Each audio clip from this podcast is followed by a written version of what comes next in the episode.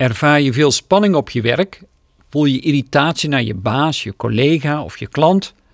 Je kunt die personen helaas niet veranderen. Je hebt er geen invloed op, net als op het weer.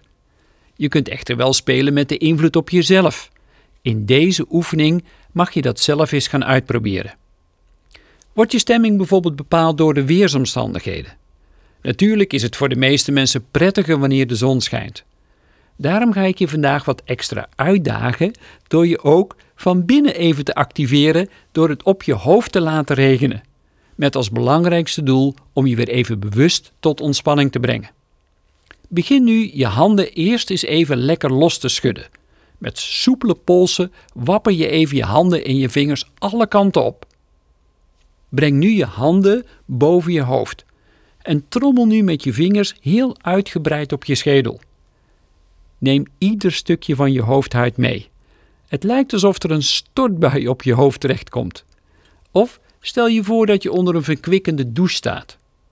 En maak je geen zorgen over jouw eventuele kapsel. Trommel nu ook met je vingers in je gezicht, alsof je tegen de wind in de regendruppels in je gezicht voelt striemen.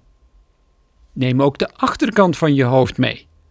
Vooral bij de schedelrand zit altijd veel spanning. Ga nog even terug naar je gezicht.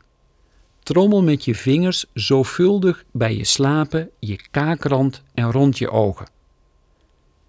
Blijf lekker kloppen.